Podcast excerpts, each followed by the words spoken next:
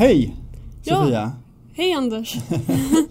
Var träffades du och jag första gången? Eh, det var på Gustavs födelsedagskalas, kommer jag ihåg. Då jag vann. Ja, det gjorde du. Vad spännande, Mm. vad roligt. Och sen träffades vi på massa 365 saker, aktiviteter tror jag. Ja, antagligen. Säkert. För jag, jag har ju bloggat där också, Mm. typ tre Mm. gånger bara, men ändå. Vad kul! Mm. Nu sitter vi här och ska göra en podcast. Hej allihopa och välkomna till Anders Bergqvist podcast. Eller jag vet Ska- inte vad vi ska ska, vi kalla oss Nej, vi behöver inte ha på oss hörlurar. Då, då kommer vi att fullständigt svimma. Det Mm. är säkert 28-30 grader varmt i studion. Ja, minst. Eh, Det hjälpte inte att jag har varit och badat en gång i Delsjön idag. Jaha, wow. Så här var det. Jag försöker ju undersöka ungt görande och så försöker jag ju förstå vad unga människor gör. Därför att jag har ju förstått att näringslivet, eller rätt- sagt samhället, för det är inte bara näringslivet utan samhället är ju under förändring. Mm. Och våran gemensamma vän Gustav är ju en världsmästare på att ha förstått det här. Ja, ja, det är jag ju. Absolut. Eh, Han, han utmanar ju allt och alla och nu senast så var det väl, eh, vad heter han? Eh, hjärnsläpp, våran eh, centerpartistiska parlamentariker. Ja, just det. Fredrik Federley. Fredrik Federley som Mm. han hjälpte med internetkommunikation i, och, och marknadsföring i samband med sin kampanj. Ja, just det. Och jag förstod att han hade skrivit Gustav tack, du, du ställer frågan varför hela tiden. så fort vi sa någonting så sa jag varför då? Varför, Ja, ja. varför tycker ni så? så? Det tycker jag är väldigt bra. Mm, Men. Då är det ju så här att jag har gjort en eh, podcast med Ian, Just det. den unge 22-årige arbetaren eller som, som lever och är uppvuxen med spel. Och det gjorde jag därför att jag ville prata med någon som liksom var spel. Mm. Och så var jag väldigt frustrerad för att det har ju en tendens att liksom bli det eviga Antingen så blir det gubbar som jag som uttalar sig om spel eller så Mm. blir det unga killar som Ian eller liknande som uttalar sig om spel och så har de liksom inte och så blir det någonstans där mittemellan. Och de seriösa grabbarna i 25-årsåldern som gör spel de tar sig inte tid att uttala sig. Nej, ja. Mm. Okej. Och så dök du upp. Ja. Berätta. Berätta först, vem är du? Eh, ja, Sofia Lundgren heter jag, jag är 26 år gammal. Eh, jag studerade projektledning med inriktning mot speldesign direkt efter gymnasiet i två och ett halvt år. Var den utbildningen. Um, så det är egentligen då spel eh, som spelmekaniker i organisationer bland annat men också att utveckla spel. Ehm, så det är vissa utav dem som tog examen då startade spelföretag och vissa gick mer in på Eh, projektledning och den typen av jobb. Eh, efter att jag tog min examen i projektledning inriktning spel så började jag plugga på Bibliotekshögskolan i Borås. Eh, och det gör jag fortfarande och så jobbar jag som bibliotekarie i Kungsbacka kommun. Varför valde du spel och projektledare för spelutveckling? Ja. jag, jag hade precis tagit studenten. Mm. Eh, så det var ju så här, vad ska jag göra, vad tycker jag är roligt? Eh, jag var en spelnörd. Um, så det, det var väl egentligen bara rakt på där att ja, men spel ett intresse liksom. Och så fanns det en utbildning i Göteborg för jag var inte riktigt beredd att lämna Göteborg heller. Eh, för det finns ju i Skövde och så finns det på Gotland. Uh, vet jag jättebra spelutbildningar. Mm. Men eh, jag fastnade för den i Göteborg. Mm, Så var det liksom. Och där var det 50-50, lika många tjejer som killar eller? Nej. Eh, nej, Eh, vi, vi var två tjejer i min klass på tj- 20 pers tror jag. Eh, lite mindre än 20 pers. Eh, mm. Så det var rätt. Vilket ju är lite lustigt. Jag har ju en kompis Ola Staffhammar som, som var med och drog igång DreamHack under deras uppbyggningsår och nu jobbar med, jag tror, eh, ja, i massa olika sammanhang runt spel. Ah, Okej. Och han, har ju, han är ju en sån här statistik eh, generator så han liksom berättar statistik hela tiden. Och det är ju Ja, faktiskt ja. så att tjejer spelar ju lika mycket dataspel som killar. Ja, så är det ju. Spelar ni andra spel än killar? Det- Alltså det beror väl på lite så här vilka åldersgrupper man eh, talar om. Om man tar min mamma då som är 50 plus och hon, hon spelar ju jättemycket också. Men hon spelar ju Farmville och lite mer de här väldigt enkla tillgängliga spelen liksom. Men eh, ja, hon spelar ju lika mycket som jag gör. Men jag spelar ju jag spelar ju snarare så här västerländska rollspel, alltså Skyrim och eh, Mass Effect och lite så här. Eh, alltså det, det är svårare att ta sig in i helt enkelt. Men vi lägger nog lika mycket tid. Eh, Berätta för mig som då inte spelar spel. Så kan du utforska det sen om jag verkligen Ja. inte spelar spel. Det, alltså det enda jag gör det är att jag läser sudoku i min mobiltelefon. Och, och nej, det är inte spel. Det är ju spel men jag hade lika väl kunnat göra det på papper. ja, Så. Eh, och jag har aldrig, jag har aldrig, jag var, växte ju upp när de första tv-spelen kom. Mm, Eh, en boll som åkte fram och tillbaka och så kunde man Ja, eh, ratta fram och tillbaka. Det hette säkert någonting. Pong. Pong ja. Mm. Jag blev aldrig, jag blev aldrig liksom intresserad. Jag blev aldrig intresserad av Gameboy. Jag blev aldrig intresserad av något av de här spelen. Har, och har egentligen aldrig spelat ett, ett dataspel. Mm. Ian har ju sagt att han ska utmana mig och få mig hooked. men men eh, Berätta för mig utifrån ditt perspektiv. Vad, vad, vad är det som är så intressant med spel? Eh, Alltså för min del så det, jag spelar ju mest rollspel. Mm. Eh, och det är ju egentligen att gå in i en annan värld och få vara den här liksom eh, personen med superkrafter och slåss mot drakar och allting är svartvitt liksom. Eller inte alltid svartvitt men Alltså det är väl egentligen främst det att gå in i andra världar och utforska dem. Eh, möta förvisso så här syntetiska personer men eh, jag gillar ju att resa också. Mm. Och jag reser mycket, mycket runt i världen. Så det, det, det finns väl en gemensam nämnare där, just det här utforskandet. Som är min del. Jag är inte så mycket för att spela Super Mario och sådär. För att det är liksom, visst det är andra världar det också men det är så mycket simplare. Eh, Är det att upptäcka eller är det att lösa problem eller är det att göra saker och ting tillsammans med andra? Oj. Ehm, det var en svår fråga. Nej, det var jättemånga Ja, frågor ja, det samtidigt. det. nej, nej men det, det, det beror väl lite på alltså, vad som passar för stunden. Jag älskar ju att spela spel med andra också. Eh, både mot och med. Ehm, och eh, lösa problem. Jag, jag spelar gärna liksom pusselspel. Eller vad man ska säga. Eh, allt från eh, Professor Layton som är liksom ett sånt här litet eh, ja, väldigt enkelt pusselspel egentligen. Man, man löser gåtor och sådär. Eh, till eh, alltså mer abstrakta eh, pusselspel också.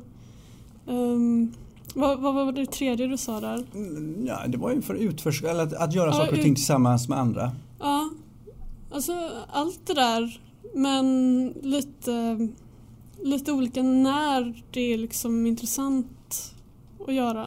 Mm. Det, det ska ju finnas tillfälle för det också. Ian beskrev ju för mig att han, han har aldrig läst en bok. Mm. Och han förstod inte varför man skulle läsa böcker.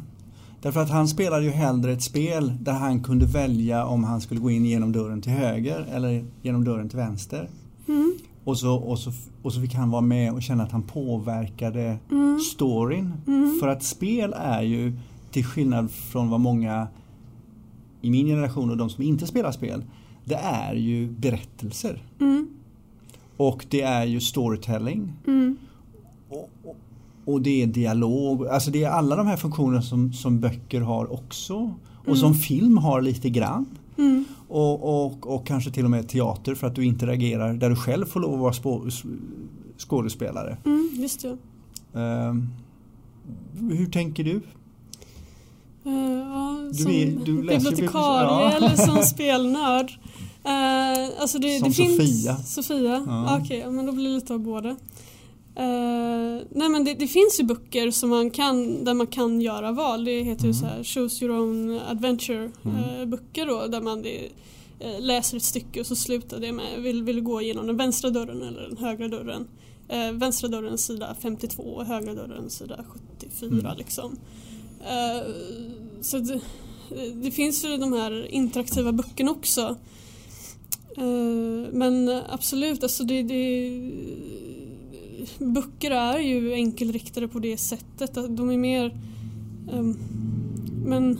Eh, uh, nej, de är enkelriktade helt enkelt. Det, det går inte att påverka så mycket. Samtidigt som också varje läsare har ju sin upplevelse av sin bok eller av eh, respektive bok. Så att alla får ju ändå lite olika, eh, gör lite olika tolkningar av, av diverse romaner. Um, man bygger sin egen värld för man måste fylla ut hur såg det ut på den här gatan? Ja. Alltså, vem är huvudrollskaraktären? Ja, alltså, lite, alltså man, man, och det är ju likadant när man kollar på film att man, jag omedvetet fyller i eh, de här eh, huvudkaraktärerna. Eh, framförallt nu som vuxen när jag kollar på filmer jag såg som barn så är de filmerna inte alls lika intressanta för att jag verkligen fyllde i filmerna när jag var liten. Med, om man kollar på Lejonkungen så var liksom de här karaktärerna så mycket kryddigare eh, på den tiden än vad de är nu då i min nya tolkning. Kan jag uppleva vad tror du det kan bero på?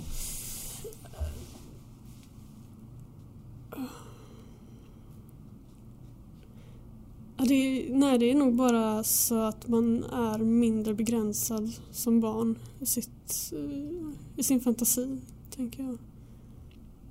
Ja, att man, Man- kanske alltså, liksom- alltså, man har så mycket erfarenhet som vuxen att man, att man undermedvetet skapar sig en förutfattad mening om Ja, hur det ska exakt. vara. Medan som barn så har man inte så mycket erfarenhet så då kan, då kan fantasin ta vägen. Ja, ja, ja men exakt.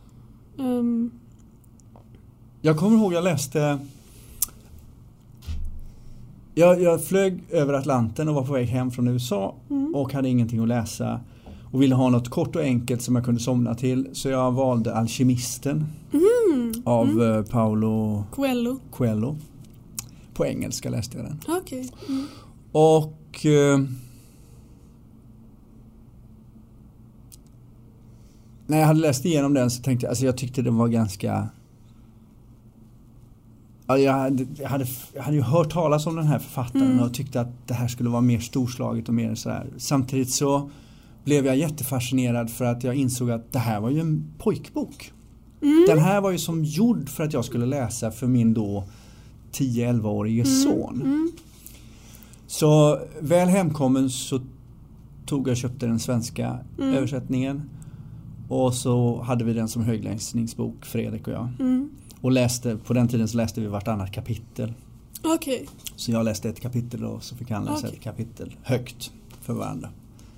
Och det som var så intressant med den läsupplevelsen tillsammans var när vi var färdiga med boken Mm. då gick det upp för Fredrik, han fick en sån riktig aha-upplevelse. Mm. Det fanns en annan berättelse i den här Ja, som ja. jag inte tog till mig. Mhm. Mm. Så han sa, vi läser den en gång till. Och då sa jag så här, nej då får du faktiskt läsa den själv. Men han läste den Mm. omedelbart en gång till. Och, och någons, jag fick en känsla av att han liksom gick in och läste den som pojke. Det var verkligen den här pojkberättelsen. Ja. Och i slutet när de liksom kommer fram till att det fanns någon slags gräv där du står. Alltså lyckan finns inte där borta, den finns här. Och så. Vi ska inte avslöja Ja. varför och sådär. Men så gick det upp för honom att det fanns massa andra budskap i den här boken som han inte hade tagit till sig. För han var inte mogen för Mm. det. Och det kan jag väl kanske tycka är synd att Ian missar i böcker. Mm. För det finns väldigt mycket böcker som inte handlar om själva pojkboksberättelsen eller den storyn så att säga. Mm. Hur tänker du? Eh, ja, nej, men vi, vi pratade om det här med... Det, det är lite lustigt, jag och min pojkvän pratade om detta igår att eh, maskinskriva en text, att, eh, nu är det en robot som har klarat Turing-testet Mm. eh, och att man då skulle kunna autogenerera text. Eh, men det skulle vara svårt att skapa för en maskin att skapa text med dubbla meningar eller med underliggande budskap eller ens med ordlekar. Eh, och ja, eh, absolut. Det, där finns det verkligen en vinning i att, att läsa till exempel politisk satir eller sådär. Att, um, ja, men det, det, det finns eh, alltså, ja, men en eh, intellektuell utmaning i det på ett annat sätt än vad det spel ger. Då, att, att, att tolka text helt enkelt. Tror du att spel kommer ta den vägen? Eh, jag tycker redan att spel har tagit den vägen till viss del. Um, att det finns uh, spel som behandlar ämnen men egentligen på ett väldigt subtilt sätt. Um, jag vet inte om jag ska ta några exempel. Ja, gärna. Jag, jag har för mig att Braid egentligen handlade om vad ska man säga, kärlek som inte var ömsesidig och problematiken i, i att inte förstå det. Mm. Helt enkelt. Att det, det kan väldigt lätt bli svartvitt men det är inte så. Um, och även, jag kommer ihåg, det, det här är kanske lite konstigt men jag spelade Assassin's Creed 2 tror jag det var. Nej. Eller om det var ettan. Men där, där finns också en eh, referens till Bibeln som jag tycker är väldigt intressant. Och det, det var egentligen det här med Eva och Adam. Om är det verkligen så att de blev utsparkade eller var det kanske så att de flydde? Var, var det som spelet ville framföra? Väldigt subtilt men det tyckte jag var jätteintressant. Uh, för jag hade aldrig tänkt den tanken innan, liksom, det var en oerhört provocerande tanke. Uh. Men, men, då blir det ju intressant. Mm. Därför att om man, om man som Ian, nu tror jag kanske att Ian via skola och via, via samtal och kanske jag vet inte om, om han kommer från en familj som, om han är konfirmerad ens men, men eh, han kommer från, hans föräldrar kommer från Uruguay tror jag så att, så att eh, i så fall katoliker. Mm. Men, så jag vet inte hur mycket referenser till Bibeln man har men det är ju det som här kan ju uppstå en stor klyfta mellan de som så att säga, spelar dataspel och får referenserna därifrån. Ja, just det. Och de som, som det är ungefär som folk som läser böcker men inte har läst den så kallade kanonlitteraturen. Mm. Det vill säga att man inte är beläst. Mm. Mm. Jag, gjorde, jag gjorde ju till exempel en eh, podcast med eh, Linus mm. Gren. Som, som ju har läst fler böcker än de flesta personer jag överhuvudtaget har träffat. Mm. Men engelsk litteratur då och filosofi mycket. Mm. Och mycket, mycket olika. Alla de här som många, många rabblar och säger, refererar till men som de själva egentligen kanske aldrig har läst helt ut. Ah, ja. De har han liksom läst. Ah. Uh, och uh, när han läser en bok så blir det ju så mycket jättestor, jättestor referens. Mm. Att, att, att, att, att uh, hans, hans berättelse i en bok blir så mycket större därför att informationen som kommer refererar precis som du gjorde den här du hänvisar till Eva och Adam mm. och, och, och, flykten ur eller utslängningen ja. från, från paradiset. Mm. Har, du inte, har du inte referensen till Eva och Adam så, så, så, ja, så, så finns det inte den där. Nej. Och då finns inte den intellektuella kittlingen av hjärnan så att säga. Nej, Nej, det är sant. Uh, alltså I gymnasiet så läste vi ju en hel del. Jag gick uh, estetisk linje på Schillerska gymnasiet. Uh, så vi läste ju rätt mycket litteratur där. Men det mesta som man läser litteraturhistoria är ju utdrag ur klassiker. Eh, just för att man ska förstå. Vi, jag kommer ihåg att vi läste något utdrag ur Maupassant och något ur eh, Joyce och sådär. Eh, så mm, det går ju att få referenser men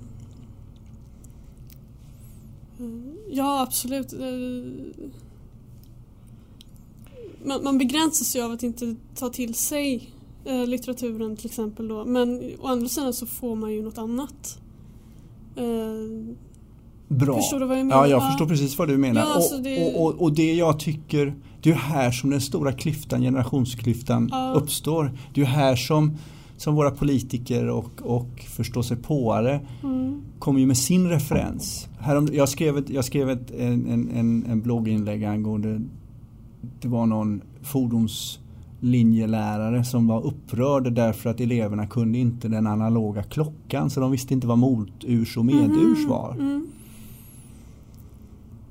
Och då tycker jag att ja, så kan man ju tycka. Ja. Men Mm. de har ju en annan referens. Mm. Och ska vi Det läraren gjorde, det var ju så här, han ställde frågan när reporten var där på skolan så här, så här, Frågade någon kille som gick förbi där, ö, kan, vet du, vad- kan du klockan? Vet du medurs eller moturs? Nej det vet jag inte. Har du verkligen gått i skolan? Var har du gjort det? I Sverige? Och, så, och din lärarinna har inte lärt dig det, det ska jag ringa och fråga henne ungefär så. Mm. Redan där hade han ju talat om för honom att du, du är mindre värd. Du Mm. har ju inte kunskap. Jag ifrågasätter det. Istället för att säga, vad intressant. Hur, hur håller du reda på vilket, vilket håll du ska låsa upp en dörr? Hur, hur Mm. förklarar du för mig vilket håll jag ska skruva skruven? Hur talar du om det för mig så att jag Mm. fattar? Och så kanske han hade fått en referens till någon Ja, när du går in i byter värld i World of Warcraft så måste du alltid göra så här eller du måste svinga svärdet från vänster till höger. Ja, det är det. Alltså, bara- hade kunnat fått någon helt annan referens. Mm. Och här och det här är min nyfikenhet. Det här, det här är det som kittlar mig till podcast och till samtal med unga människor och äldre människor. Att, att hitta var, var, var missar vi varandra?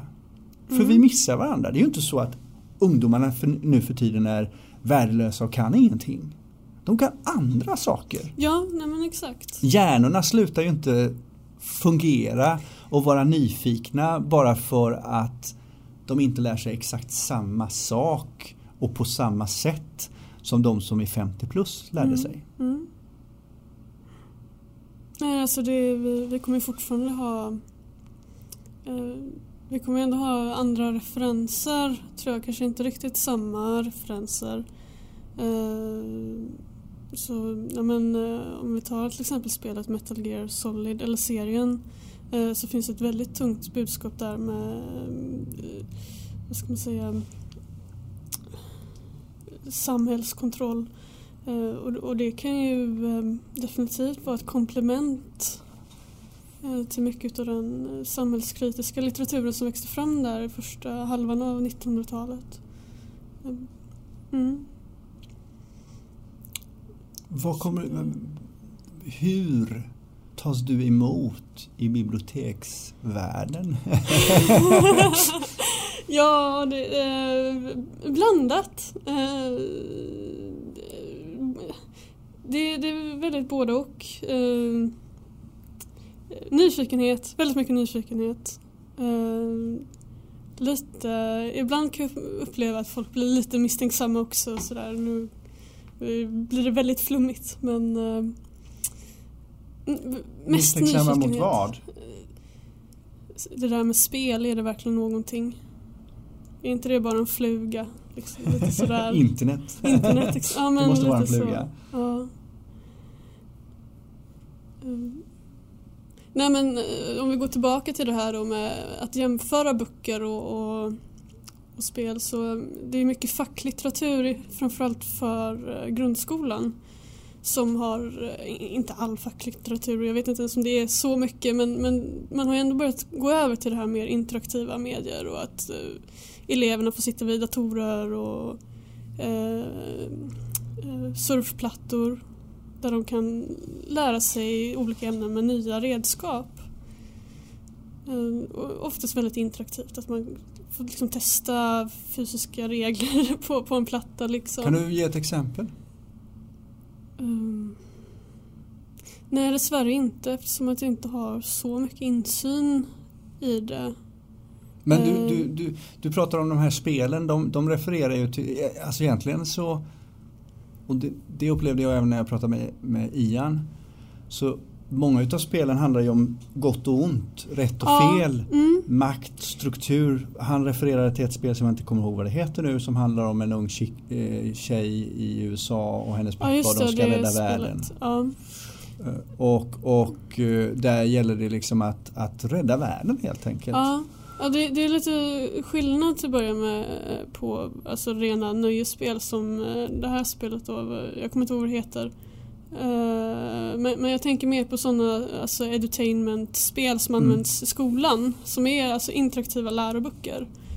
Medan skönlitteratur det har man ju också konverterat till ett elektroniskt format men det är ju e-böcker och de är ju egentligen bara en pappersbok i ett, ett eh, elektroniskt material. Mm. Liksom en, en ren konvertering medan läroböckerna har blivit interaktiva.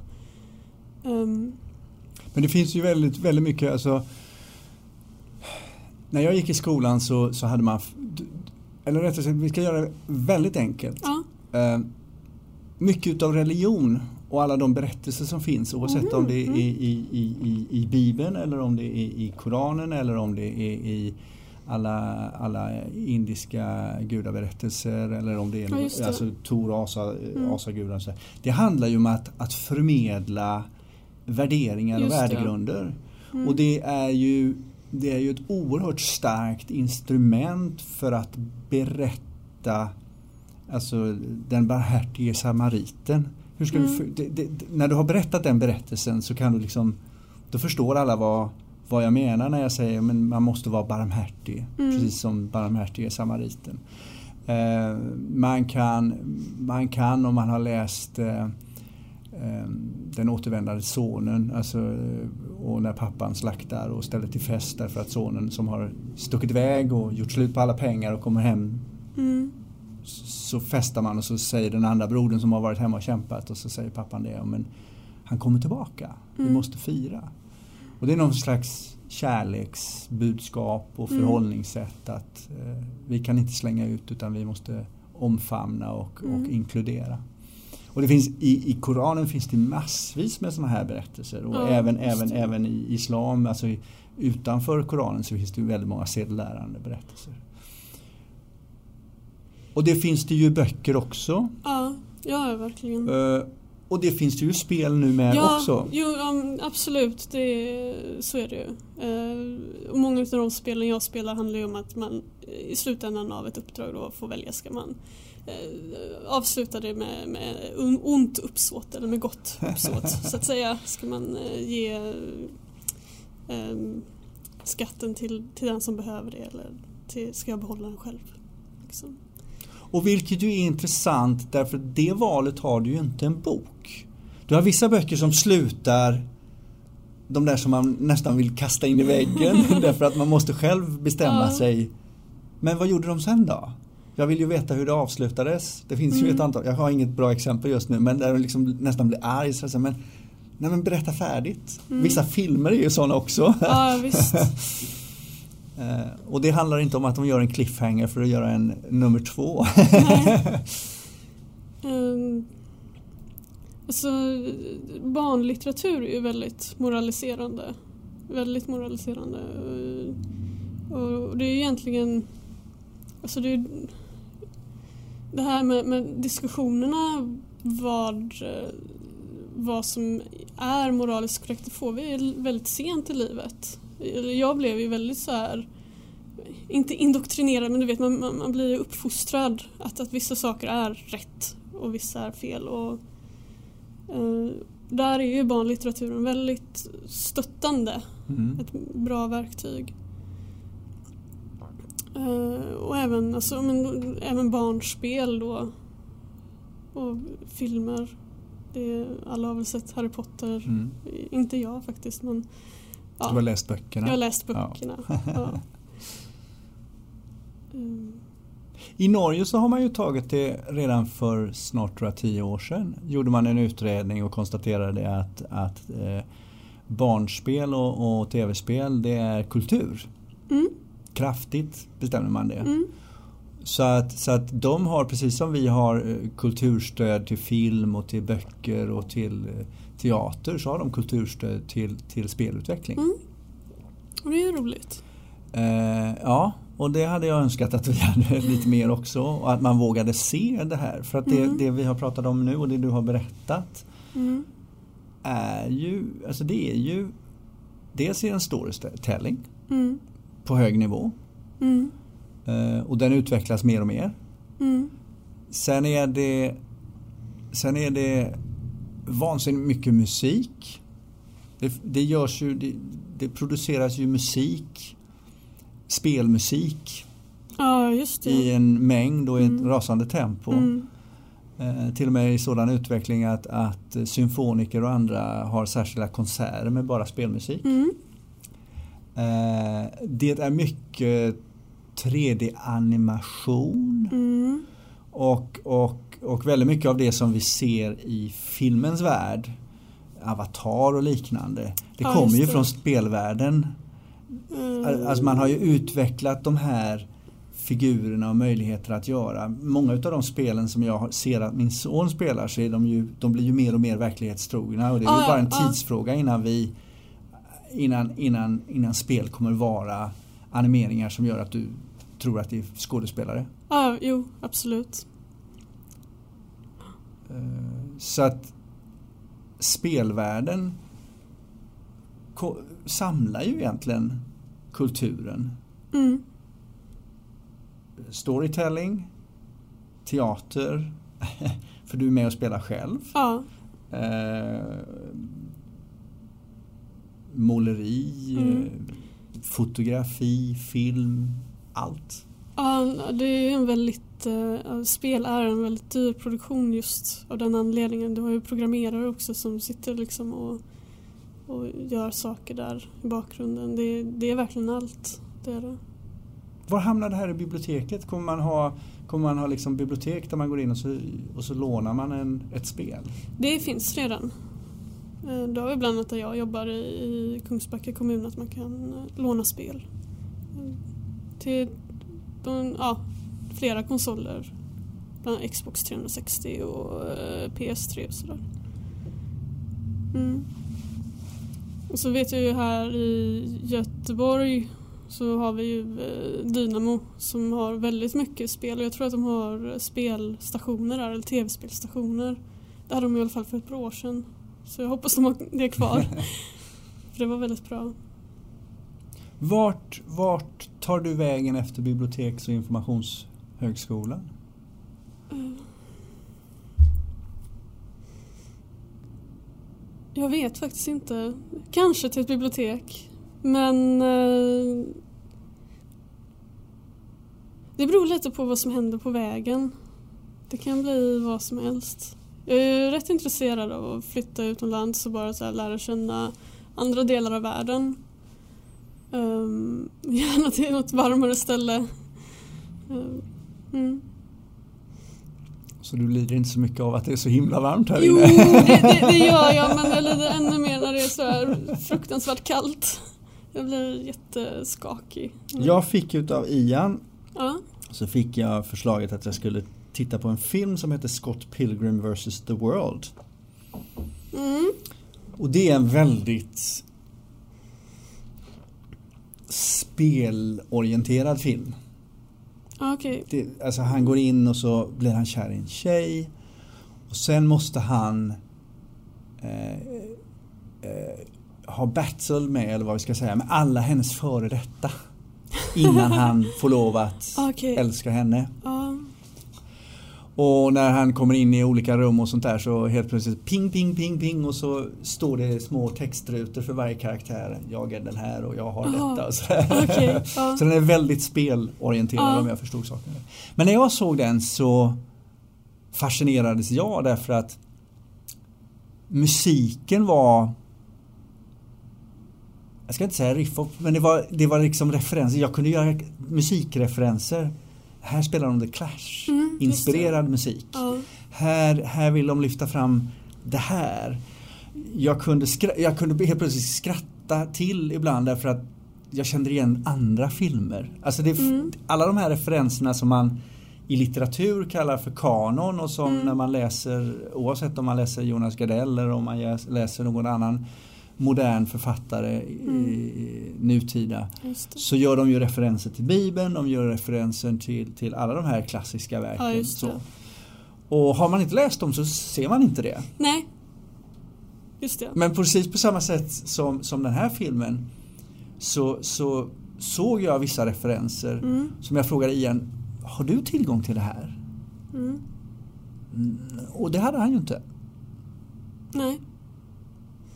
Men jag tänker inte det är lite charmen också med att bli äldre att man drar åt sig fler referenser. det, så känner jag också liksom att det är, ja, men om vi går tillbaka till det här med barnfilmer så förstår jag ju de här mer subtila referenserna mycket bättre idag. Eh, I de här klassiska Disney-filmerna som även då är för vuxna emellanåt. Eh, så att, ja, jag, jag tänker nog att det till stor del är, är det liksom alla generationer har ju sina kulturella referenser. Lite.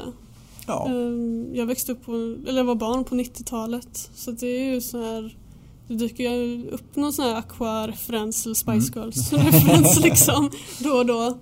ja. Mm. Och jag växte upp på 60 och 70-talet. Ja, okej. mm. Så det är inte Spice Girls och Nej.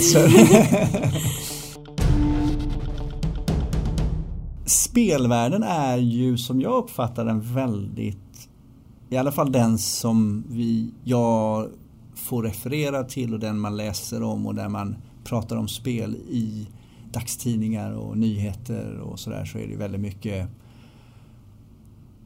våldsspel men det är, alltså det är en väldigt machoinspirerad miljö. Mm. Och berätta, hur tänker du? Är du liksom en tomboy som gav dig in i spelvärlden eller varför började du spela spel? Ehm, Min pappa köpte sin första dator 94 var det nog. Det var strax innan jag började förskolan. Och sen hade ju faktiskt min morfar hade en sån här jättegammal Apple-dator som är en sån här fyrkantig plastburk. Eh, och där spelade vi, alltså, det var inget spel egentligen, det var ett, ett, eh, man, eh, ett tåg, en tågsimulation som var jättesimpel. Men eh, det fanns där rätt tidigt och pappa köpte så här Pappa var jätteintresserad av spel. Han köpte en massa skräckspel som eh, säkert var 18 plus. Men eh, de satt han och spelade med, med mig och min lilla syster och det var eh, jätte, alltså det, det var väl väldigt mycket en så här social grej liksom. Eh, mycket så här monster som eh, sprang runt i korridorerna där. Ehm, och vi hade jättekul. Min pappa jobbar ju med specialeffekter. Mm. Så det, vi hade liksom allt det där. Det var ju våran värld redan. Ehm, mm. Så det var väl så jag kom in och sen började jag spela lite själv men då, då var det väldigt så här barnvänliga spel. Ja, men, något Lejonkungen plattformsspel och så eh, Fäste Mumindalen kommer jag ihåg att jag spelade jättemycket. Eh, sen kom jag in också på att spela mer alltså, strategispel som Civilization och Age of Empires. Det var väl några av mina första riktiga datorspel. Eh, och sen eh, kommer jag ihåg att det stora genombrottet för mig var ett eh, Might and Magic eh, nummer 6 som var det var jättekul tyckte jag. Vad går det ut på? Ja, det, det, men det är det här, alltså ett västerländskt rollspel. Man, man går runt i en värld och eh, ja, jagar spöken och samlar skatter och pratar med, med tvådimensionella människor och sådär. eh, ja, men det var en sån riktig... Ja, det var väl där jag skapade min inre spelare så att säga, eller den spelare jag är idag. Har det varit en sån där som du har dragit iväg på LAN och DreamHack? Och... Nej, nej. Eh, alltså, jag var ju en gamer i jämförelse med mina vänner. Mm. Eh, men när jag sen började plugga då, projektledning inriktningsspel, så var jag en gröngöling i jämförelse med mina klasskamrater som hade ja, den här mer traditionella eh, uppväxten med eh, Nintendo och Super Mario och sådär. Jag spelade inte, alltså jag spelade Super Mario hos en kompis några gånger. Mm. Men jag har inte den bakgrunden som till exempel min pojkvän har då. Han hade också ett Super Nintendo och spelade alla de klassikerna. och jag hade, jag hade liksom spelat de här mer uh, ja, uh, enklare spelen, inte enklare heller men, men spelen som de andra inte riktigt spelade helt enkelt utan det, det var liksom mer budgethållet mm. typ. Jag vet inte riktigt hur jag ska förklara det. Det var liksom Ja. När, du, när du då mötte de här som har spelat massa olika saker eh, och mycket Upplever du, för det är ju en ganska stor debatt just nu om, mm. om det här med macho, machokultur mm. och att, att karaktärerna är, är väldigt eh, svart och vitt. Men, ja. men eh, uh. vad hittar man som tjej sin, sin kan, man, kan man få vara den här tuffa, ja, man kan ju vara kille om man vill som mm. tjej och man kan vara tjej som kille och, och sådär men, men finns karaktärerna där? Mm, jag kan ju säga direkt att jag stör mig väldigt mycket på framförallt animationer utav kvinnliga karaktärer för att det är väldigt mycket så här höftvickande och de ska gärna gå liksom catwalk när de går runt i skogen. Uh, så att uh, animationerna framförallt stör jag mig på. För att det är... Ja. men jag tror i mitt fall så, alltså dels så var det de här västerländska rollspelen då. Mm. Det är en skillnad på österländska och västerländska vill jag bara påpeka. Att det, eh, men, men där är det mycket då att man, man bygger sin egna karaktär. Så man kan ju formge den själv och eh, det, det, blir inte riktigt den här exponeringen som det till exempel blir då med, med kvinnliga karaktärer utan jag kan faktiskt klä min speldocka i riktiga kläder. Mm, och sen är det ju strategispel då, typ Civilization och uh, Age of Empires där man egentligen är kroppslös. Man är någon, någon slags uh, världs eller uh, nationsledare. Uh, och då har man ju inte någon, alltså det, det är ju ett tredje perspektiv eller ett gudsperspektiv liksom. Då är man ju både könslös och kroppslös. Vad gör vi åt det här? Den, den macho eller Finns det en patriarkalisk könsmaktsordning i spelvärlden? Det finns, eh, det finns problem kan jag tycka eh, med um,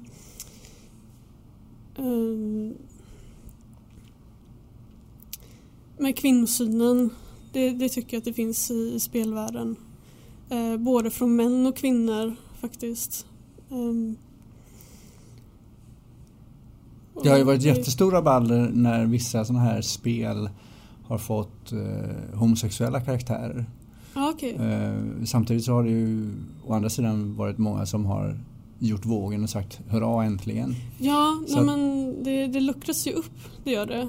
Eh, det kommer in mer eh, alltså riktiga kvinnor så att säga i, i spelvärlden, spelkaraktärsvärlden. Det gör det ju. Eh, men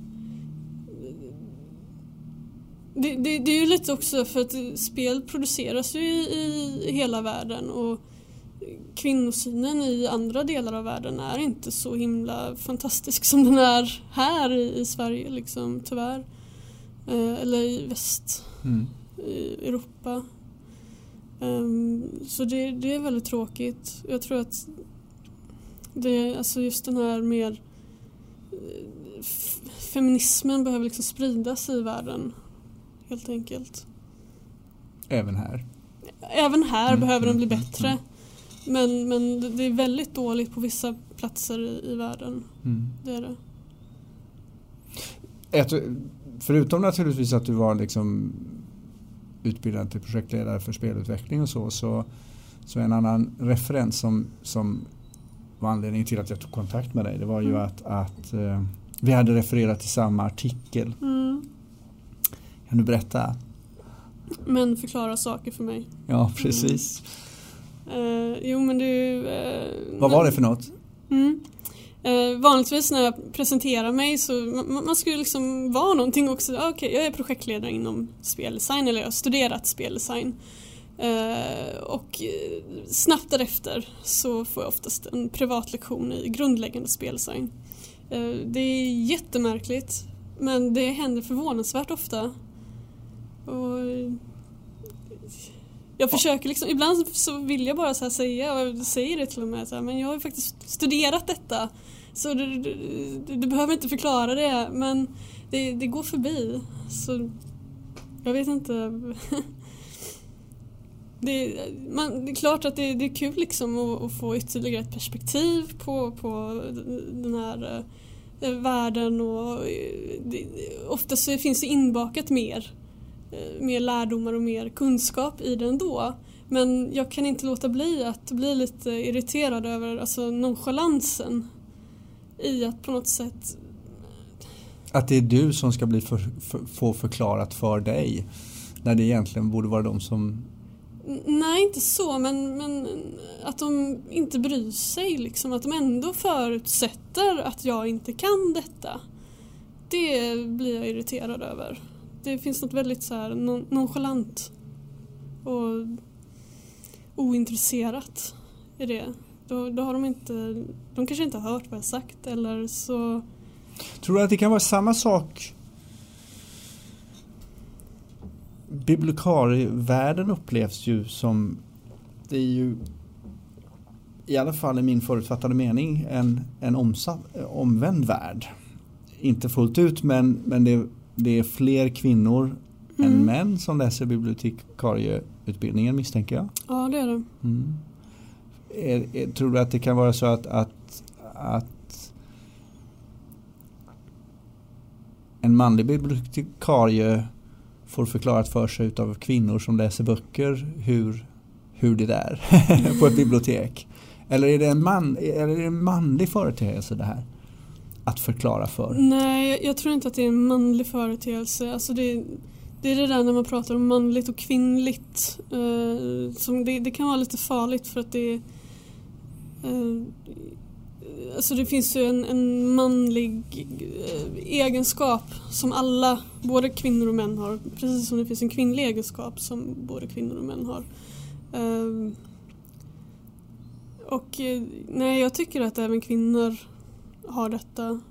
Uh, och det, det, har jag upplevt även i spelvärlden att ja, även kvinnor ska ha de här privata lektionerna för mig. För att de är spelnördar. Mm. Så, uh, och är det liksom, känner man att man kan någonting så kommer man ju bevisa det också. Eller många vill ju bevisa att de kan någonting. vad, jag, gör, vad gör, hur? Gör, vad gör vi åt det här? Därför det här börjar ju redan i Det här börjar ju redan, redan tidigt tror jag. Mm. Uh, i, i, hos, hos barn på, på dagis i förskolan. Uh, där man liksom vissa bara utgår ifrån. Och jag, alltså när vi läste den här artikeln och delade den på Facebook båda två mm. så kände jag så här, hmm, det här nog är jag. I, trots allt, alltså ibland så kan jag ju vara så därför att mm. och, och, och samtidigt är det det sista jag vill vara egentligen. Mm.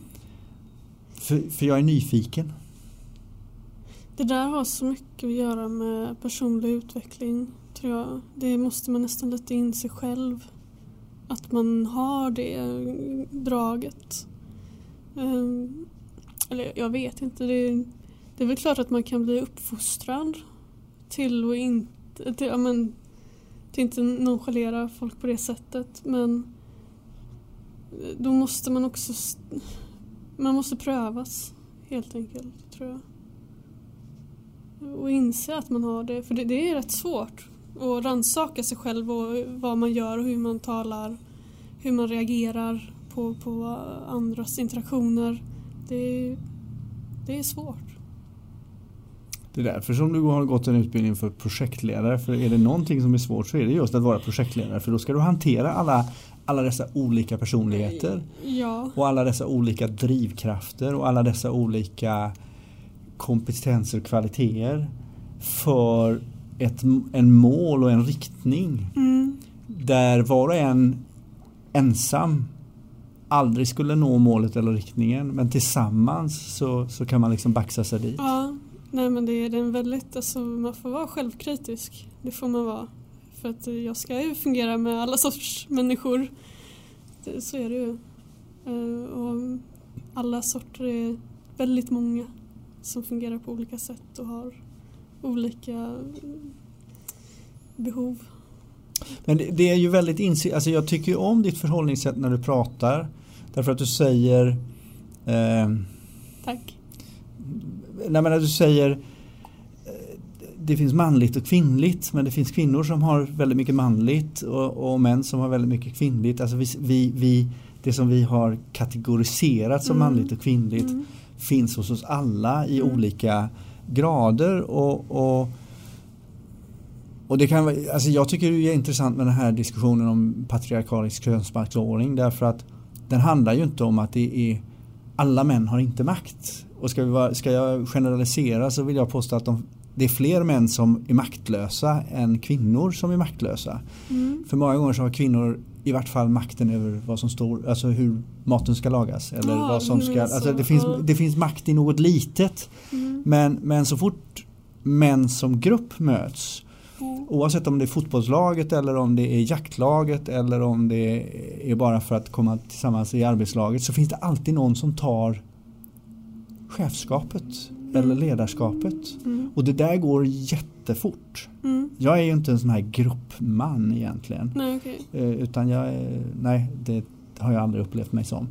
Men det är så uppenbart när män samlas att, att det blir någon.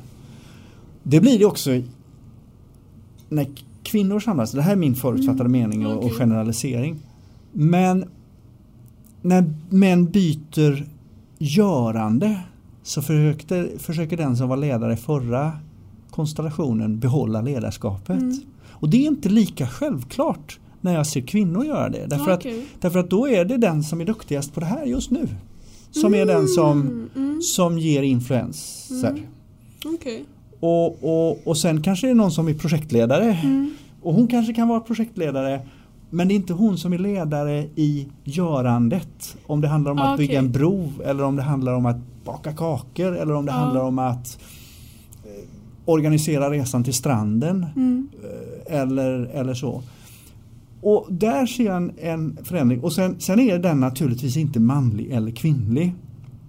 Men det är kulturer som har utvecklats inom lagidrott som ju faktiskt i större utsträckning har varit manlig än kvinnlig Ja. från början. Jo. Och det är kulturer som har utvecklats i bakstugan eller Mm. i, i, ta, ta en sån, sån enkel sak som att man pratar om kafferep och skvaller. Mm. Ja, när, när män gör samma sak, nämligen löser problem om hur ska jag, alltså sk- skvaller, det handlar om att eh, min son eh, har problem med magen, hur ska jag lösa det? Och så får man input av de andra eh, Mm. tanterna vid kafferepet och så löser man det och så går man hem och så prövar man. När män ska göra samma sak, ja, då heter det konferens. Ah, ja. Mm. Eller, eller så heter det after work eller så heter det problemlösningsmöten eller något Ah, sånt där. okej. Va? Mm. Men, men det finns liksom Men det, det man gör är ju samma. Ja. Men det, när, när man pratar om det ena så är det liksom negativt och nedvärderande ja, just det. och skvaller. Ja. Och när man pratar om det andra så är det informationsutbyte det. eller, Mm. eller, eller, eller mind stretching Mm. eller något sånt där. Jo men det, det är jättetråkigt just att eh, kvinnliga egenskaper är väldigt nedvärderade. Kvinnliga inom citationstecken är nedvärderade. Eh, och att kvinnor ofta historiskt om man vill ta bibeln igen så är det ju oftast kvinnorna som har liksom eh, stått för det dåliga. Eh, det var Eva som åt av äpplet och sådär. Eh, så att där finns det en, en en historisk eh, återupprepning gång på gång på gång. Liksom. Att det, det är häxor och det är ja, och det är kafferep med skvaller. Mm. Eh, jag har ju, alltså jag som barn, jag lekte ju mest med, med pojkar eh, och så. Eh, det var mycket så här, ja, men jag var intresserad av dinosaurier och monster och, och sådär. Så det, det är lite jag har ju med alltså, den lite grabbiga bakgrunden även om jag själv inte är så grabbig. Um, mm.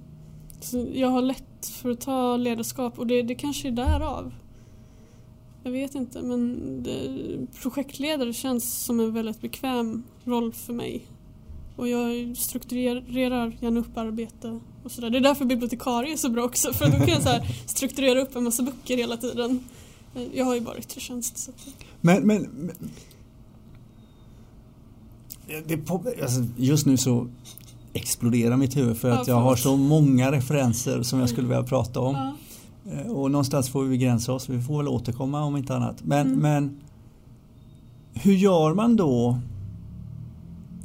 när, när något sånt här nytt som tv-spel utvecklas, då tycker jag att då är det viktigt. Nu är det ju inte så nytt längre, men, men, men, när, när nya saker utvecklas, mm. då är det ju viktigt att vi går in och ger kulturstöd mm. för att liksom bevaka att vi inte att vi inte drar med oss de dåliga delarna utav kulturen. Alltså mm. kultur är ju, är ju förutom förutom liv det enda som reproducerar sig. Mm. Och det är viktigt då att vi ser till att vi inte reproducerar den kulturen som vi försöker att eh, utmana. Mm. Och då kanske vi behöver just ha eh, någon som, som, som belyser det. Precis mm. som du säger, alltså för, för att om ingen säger det så, så till slut så, så går kejsaren där utan kläder och ingen vågar säga att han går utan kläder. Mm. Och då måste någon avslöja det och det antingen så är det ett barn eller så får det kanske vara någon som är modigare att och ha lite mer makt mm. att säga det. Som du säger att, att uh, biblioteket är ju för alla. Det är ju en demokratisk grundsten och, uh, i samhället. Och uh, just Tintin i Kongo är, ja, men det är för sin tid typiskt exempel men det kanske inte är så bra idag. Det finns ju väldigt mycket från den tiden som, som vi hade reagerat ännu mer på tror jag. Tintin är ju speciellt därför att det är ett sånt vad ska man säga, starkt varumärke i... Eh, alltså det, jag läste ju Tintin när jag var liten. Det gjorde jag med. Ja. Mm. Ja men exakt så att det, alla har en relation till Tintin. Uh, och jag tror att det var också därför det blev så, så starkt. För att, jag, jag vet att jag läste Tintin i Kongo när jag var kanske tio. Det är säkert jättemånga som har gjort det. Och då förstod jag inte det, tyvärr. Att allvaret i, i de här bilderna. Men eh, nu absolut. Så, för att nu har jag haft de diskussionerna och sådär. Det jag tycker är så tragiskt är att man inte kan liksom bara släppa det där och säga så här, ja det är ungefär som, som kultur eller jag har skrivit väldigt mycket och refererat väldigt mycket till den här övermålning i Nyköping där Carolina Falkholtz ja, har gjort en, en bild. Uh, och bara, och där, där, där, nu då någon sverigedemokratisk riksdagsledamot dessutom föreslår att Carolina ska fängslas för att det är sexuella trakasserier. Mm det är ju det är liksom bara tragiskt därför att man förstår ju inte att man vågar. Alltså, jag blir beklämd därför att det är uppenbarligen så fruktansvärt provocerande det här. Men det finns ju, provo- det finns provokationer överallt. I mm. litteraturen, det finns mm. provokationer i tv-spel. Det finns provokationer, alltså tv-spelsvärlden med, med, med den inställningen då ska vi väl snart fängsla, ska vi fängsla ja, speldesigners då eller? Mm. Det finns ju spel där man både, alltså Grand Theft Auto ja. till exempel där man eh, kan välja att slå eller, eller ska, man, ska man fällas? Ska man fällas för att man har i slutet väljer att ge till det onda istället för till det goda? är det straffbart? Mm. Alltså, jag har väldigt svårt att se hur kulturyttringar kan bestraffas. Uh, för att det är, det är en del utav den demokratiska processen att provocera och på så sätt utveckla eh, ja, våra värden. Och, um, överhuvudtaget vad, vad vi vill leva för. Vad vi, vad vi ska ha Så att det... Mm. Tror du att tv-spel och spelvärlden gör det i tillräckligt stor omfattning? Provocerar? Ja. Mm. Ja, både och. Uh, Ian som jag framstår, Mm. fram, som jag upplever som en person som har jättesnäll och har ett Mm. stort hjärta. Mm. När han spelar dataspel Mm. då är han mean. Han Ja. cosplayar och då har han tagit på sig att klä ut sig till värsta värstingen, Ja. alltså en psykopat. För att det är hans, han är aldrig där. Mm. Så han spelar med det för att kunna förhålla sig till det på något sätt. Mm. Och det kan man göra i en större omfattning i spelvärlden Mm. än vad man kunde tidigare. Eh, Alltså det, det finns ju så här ehm, Dels så finns det de spelen då där man kan välja om man ska vara god eller ond. Eh, men, men sen finns det ju spel som Som verkligen eh, Alltså mer tycker jag tar upp Alltså är samhällskritiska. Jag spelade ett spel som hette Papers, Please. Som går ut på att man är i ett eh, ett- i forna Sovjetunionen eller något sånt där. Då sitter man i en passkontroll och eh, kontrollerar pass helt enkelt. Eh, och man har en rätt dålig lön men man får en provision då om man lyckas fånga några eh, vad ska man säga, folk Skurkar. med, skurkar eller folk med falska pass. Och alla har ju liksom sina anledningar till att komma igenom den här passkontrollen. Ibland är det inte så enkelt liksom att, att sätta dit dem utan det, det kanske faktiskt är någon som försöker fly därifrån eller någon som... Eh, och sådär, så alltså det... Så att... Vad ska man säga? Alltså provocerar tycker jag att framförallt mindre spelstudior gör. Då, exempelvis Braid också som tog upp det här med, med, med kärleksrelationer. Är det verkligen sådär enkelt alla gånger? Ehm, och en del alltså mindre spelstudier som tar upp så miljöproblem, politiska problem. Eh, Israel-Palestina-konflikten har tagits upp till exempel. Eh, och sen har vi de här mer större titlarna då eh, som jag vet att Ian pratade om. Mm. Som kanske mer behandlar alltså, det goda och det onda. Och I ett mer svartvitt perspektiv. Ja. Eh, inte, inte så här fokuserat på, på, på ett smalt problem, till exempel en passkontroll. Men det är ju intressant därför att i en sån passkontroll så prövas ju mina förutfattade meningar. Mina, Ja, ja. mina ja. Vad är jag? Vem är jag? Eh, ja. Eh, ja men visst. Det, Nej, jag är inte rasist. Och nu får vi ta ut statistiken för vilka du har kontrollerat. Hur Ja. kommer det sig att du alltid har kontrollerat 98% brunögda, mörkare hy än och så vidare? ja, nu var ju det här spelet i gråskala. som- men, men det kan ju finnas sådana saker Ja. som, man, som man... Alltså vad går man på? Eh, mm, det är lite olika om, eh, I det här spelet då så kontrollerade man samtliga pass. Det Okej. var liksom ingen fråga om saken. Men man hade så här eh, eh, regler för eh, hur ett pass kunde se ut. Mm. Och så kontrollerade man då om de här passen stämde eller om de var fake. Och sen fanns det också alltid en sån här eh, wanted-lista eller eh, eh, om, om det var någon man såg som liksom stämde in på den här eh, vad heter det, misstänkta för brott. Mm, mm. Ja. Eller flyktingar eller... Ja, ja det, det var aldrig klart vad det var för brott de var misstänkta för. Det kunde absolut vara, vara flyktingar eller bankrånare eller eh, politiska... Flyktingar. Eh, ja. Spännande. ja, det är ett jättebra spel, det rekommenderar jag verkligen. Och det hette? Eh, Papers, Please. Papers, Please. Mm.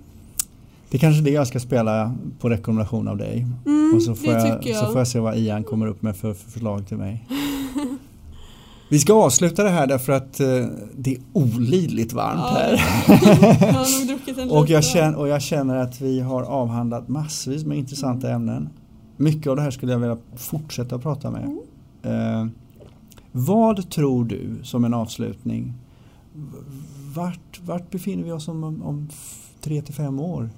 För det går ju ruskigt fort. Mm. Alltså utifrån ditt perspektiv, spel, bibliotek. Vad Mm. spelar biblioteken för roll i spelsituationen i, i Sverige? Och vad spelar litteraturen för roll i, eller kulturen i förhållande till spelvärlden? Mm. Och jag hoppas ju inte att jag hoppas verkligen att biblioteken inte läggs ut på entreprenad. I alla fall, det, det har jag varit lite rädd för. Eh, med tanke på att apoteken åkte dit och så. Um...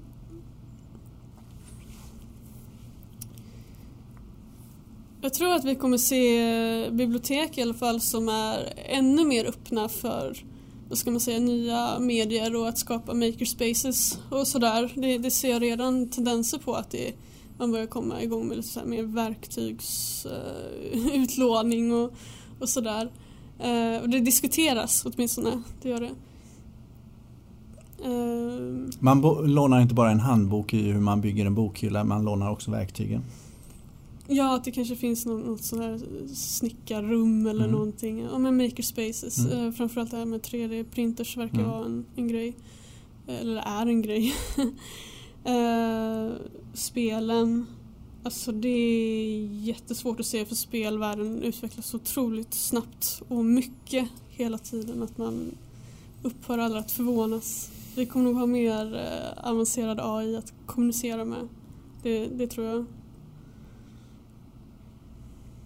Vi kommer kanske ha bottar som inte bara är, är bottar utan de har också en egen intelligens och Ja, verkligen. utvecklar sig. Och, Och... eh, de kanske blir bibliotekarier också. Det. Eh, Till viss del kanske. Åtminstone intelligentare sökkataloger. Det tror jag att vi kommer få. Jag har ju många gånger diskuterat det här att, att t- förr i tiden så ägnade vi oss åt, här får du, Ja, tack. det är mer vatten, vi måste ha mer Mm. vatten här inne. Ja, Men förr i tiden så, alltså hela biblioteksstrukturen var ju en linjär struktur. Den byggde på att man katalogiserade kunskap i böcker, satte in dem i bibliotek utifrån ett register, en sys- systematik och Ja, den byggde på bokstäver, Mm, alfabetet och, och till viss del siffror. mm, Och sen så har vi fått sökmotorer mm, och kopplat ihop datorer, Mm. skannat in böcker som innebär att nu kan vi helt plötsligt söka mm, fritextsökning till och med. mm, Så att när jag söker en information om eh, eh, barkning av hästhovar så, så får jag den, då kan jag få fram information ifrån alla böcker oavsett var de finns i i biblioteket Ja. nästintill. Ja. Alltså nu generaliserar jag lite Mm. men det beror ju på hur, hur inskannade de är och vilka, vilka nyckelord de har i, i, i ja, de här. just det. Men jag kan i alla fall när jag söker information få den mer tvärsökt. Mm. Ja, Du menar, ehm, Multimodalt sökande. det.